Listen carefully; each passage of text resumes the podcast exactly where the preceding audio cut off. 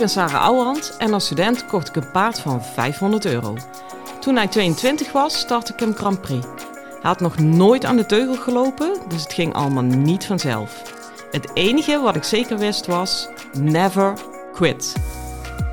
Ik verslond alles wat ik kon vinden over de biomechanica van ruiter en paard. Dat testte ik net zo lang totdat ik wist wat echt werkte. In deze podcast leer ik jou alles over je rijtechniek, je houding en zit en je mindset. Want ook jij kan naar de Grand Prix gaan, zelfs als je geen miljoenenpaard hebt.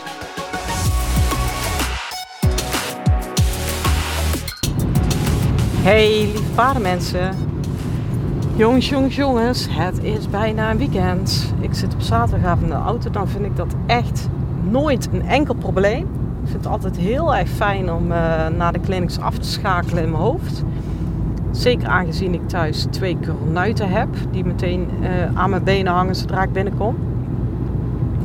Ja, en op zaterdagavond vind ik het extra fijn, want ik werk al sinds jaar en dag niet op zondag echt een heilig huisje van me. Behalve bij de vierdaagse masterclass. Maar misschien gaat dat zelfs ook nog veranderen.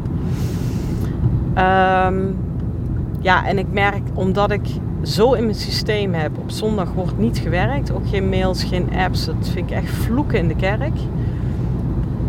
Ben ik op zaterdagavond eigenlijk al super relaxed. Ja, mijn lichaam reageert daar gewoon op. Is ook niet heel raar. Hè? Dat is gewoon Pavlov-reactie. Ja, en precies die Pavlov-reactie, um, dat hangt samen met de tip die ik voor je heb om veel relaxer te starten. En hij is eigenlijk zo ontzettend poepsimpel dat ik dacht, ja, is dit echt content? Ga ik dit echt als een podcast verkopen? Maar ik weet zeker dat het gros van de ruiters dit niet doet. Dus ondanks de open deur trap ik hem toch maar eventjes in. Ik kom net uh, namelijk van Gelderland vandaan. Afferden, zeg ik dat goed? Want je hebt ook een Afferden in Limburg. En uh, er was een dame die heeft haar paard heel erg meer dan fatsoenlijk netjes voor elkaar. Die gaat binnenkort starten. Uh, die begint in de B. Echt gewoon, ja, dat wordt echt met drie vingers in de neus. Dus ik heb alles een beetje nagelopen en op een gegeven moment uh, ging het dan over het starten. En toen dacht ik, ja, laten we maar proef gaan oefenen. En juist niet oneerbiedig bedoeld, maar bijna uit verveling. Van ja, alles is zo voor elkaar. Laten we dan in godsnaam maar een proef gaan oefenen, want verder weet ik het ook niet. Weet je, zo goed was het allemaal joepie. Dus was nog even stappen met een lang teugeltje, heel even een break in de les. En toen zei ik, nou pak hem daar maar op. En dan ga je de AC-lijn op. En dan zeg ik daarna wel wat losse onderdelen van de proef. Wat is dat dan? MXK gebroken lijn 5 meter, BEB, bla bla bla. Dus ja, het was maar laten we ergens beginnen. Ja, en het toverwoord AC-lijn valt. Nou, ze pakt die teugels belachelijk kort op. Dat ik dacht, sinds wanneer rij jij zo kort? Nog nooit gezien. Ze draaft weg, ze blijft doorzitten. Ook nog nooit vertoond. En ze gaat knijpen met de benen. Ik denk, nou, halleluja. Uh, wat is hier gebeurd? Ik wist goed wat er gebeurde, want daarom zei ik het expres. Dat ik gewoon over die proef en over die lijntjes begon, omdat ik dan kan inventariseren wat is de reactie in haar lichaam. Hoe gaan we het doen, die eerste keer starten. Nou, weet je, als zij dan zo wegdraaft, heeft ze nog geen AC-lijn gereden, nog geen proeflijntje gedaan. Nou, dan kan ik je vertellen wat in die proef gebeurt. En eigenlijk iedereen. En dat is minder dan niks dan nadelen van haar. Want jongens, dit gebeurt bij iedereen. Wil even de rest van de proeflijntjes parkeren, maar ik heb het dan over de middenlijn, de AC-lijn. Zodra ik mensen die op laat rijden, ja, verandert ineens de hele wereld. Bij bijna iedereen. En uh, in ieder geval zeker bij de mensen die ik uh, aan mijn kont heb hangen. Want dat zijn gewoon uh, ja, bovengemiddelde ruiters. Even een uitzondering daar gelaten. Hè. Ik hou daar helemaal niet van, van wat is je ideale klant of je doelgroep of bla bla bla. Maar ja, uh, soort zoek soort. Ik ben bovengemiddeld gevoelig. Dus over het algemeen heb ik die mensen ook aan mijn fiets hangen. Ik denk dat je mezelf anders ook veel te... Ja, veel te, veel te kleurrijk, veel te veel tekst en uitleg vindt. Dan denk je, ja, rij gewoon. Maar goed, de mensen die dat niet hebben, die zitten bij mij. En die hebben dus over het algemeen ook uh, een spanningsreflex op de AC-lijn. Ja, en precies daar zit mijn tip om de proef super eenvoudig te verbeteren.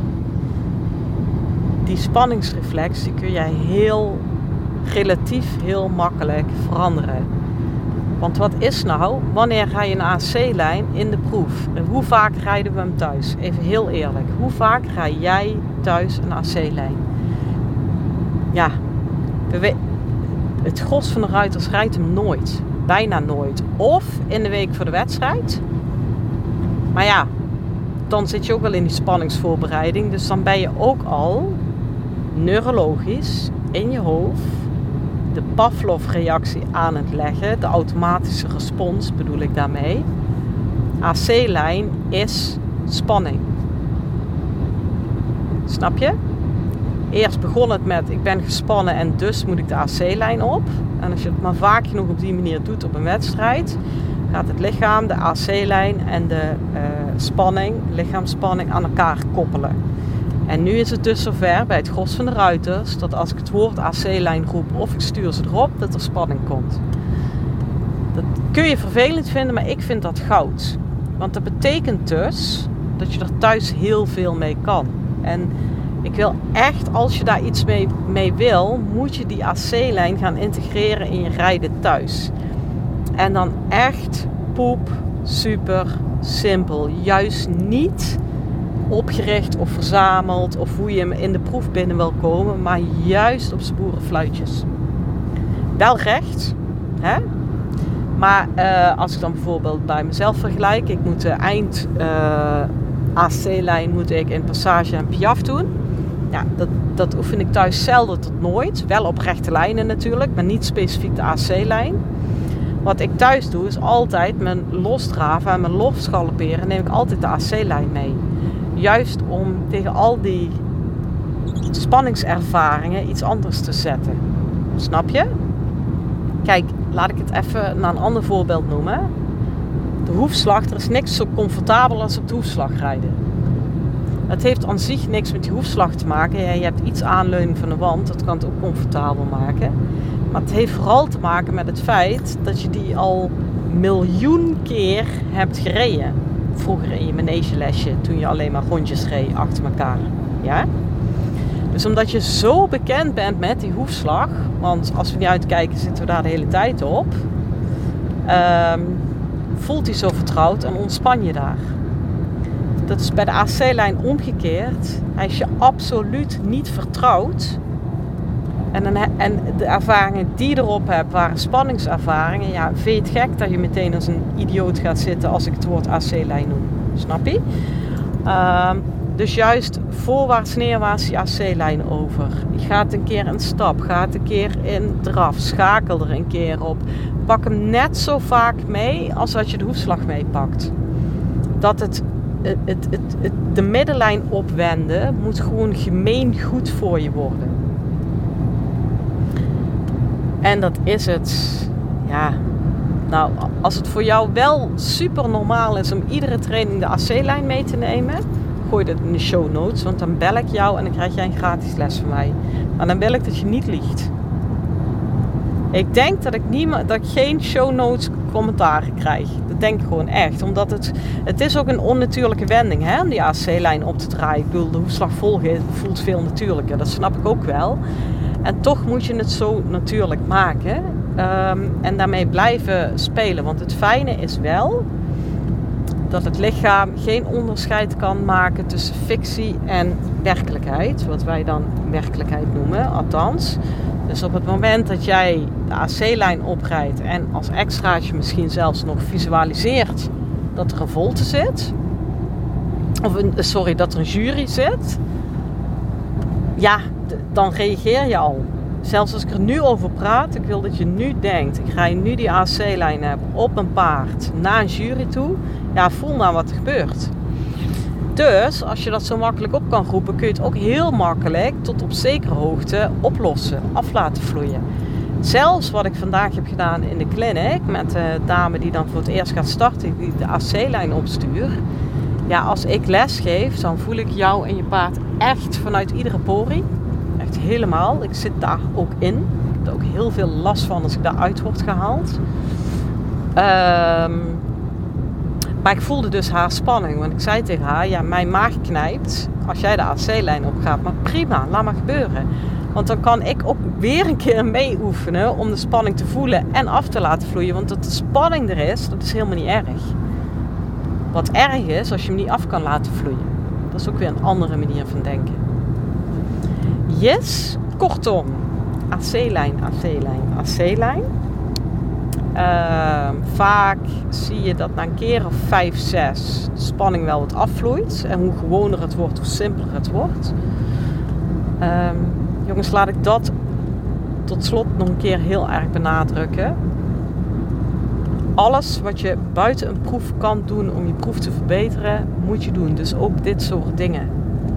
Laat ik hem omdraaien. Alles wat jij nog wil oplossen in je proef, daar ben je gewoon te laat mee. Er valt nagenoeg niks op te lossen in een proef. In een proef is het gewoon handhaven. Ja, weet je, en als jij al kan handhaven wat je thuis kan, dan ben jij al de koningin of de koning. Echt. Laat staan dat je nog iets gaat oplossen. Dus dit zijn dingen die kan je zo makkelijk meenemen. Is gewoon een kwestie van ja, discipline wil ik zeggen. En denk, ja, dat is toch normaal. Ik weet dat dat niet voor iedereen normaal is, maar dan wil je niet echt een betere proef rijden. Snap je? Daar ben ik dan wel vrij, ja, vrij streng in. Want ja, als het zo makkelijk is. Um, je kunt alleen maar iets in de proef nog oplossen als je echt over hebt. En daarmee bedoel ik, uh, ja, ik ben nou bijvoorbeeld, uh, ik rij nou Grand Prix. Stel ik ga straks met mijn jonge paard uh, starten en die pak een keer L1 of L2. Gewoon om een vreemd terrein te laten winnen. Ja, dan heb ik, maar dan is het nog ik.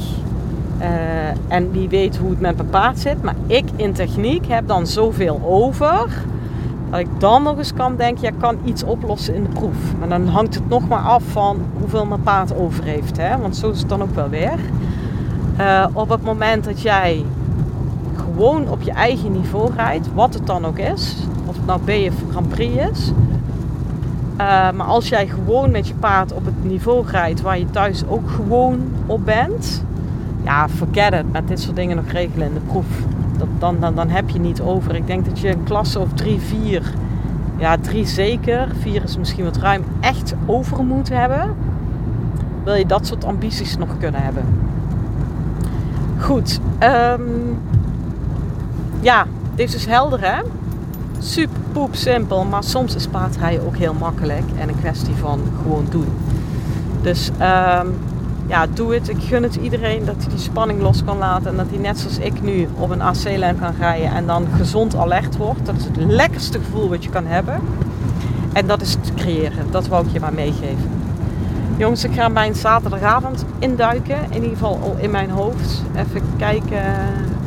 Uh, nog 20 minuutjes ben ik thuis. Helemaal prima getimed. Ga je rijden? You know what you've got to do. En dan wens ik je voor nu een hele fijne dag en veel plezier met je paard. Hoi!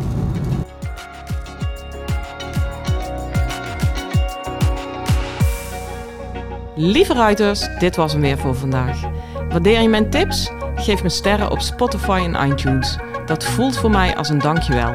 En geef je paard een knuffel van me.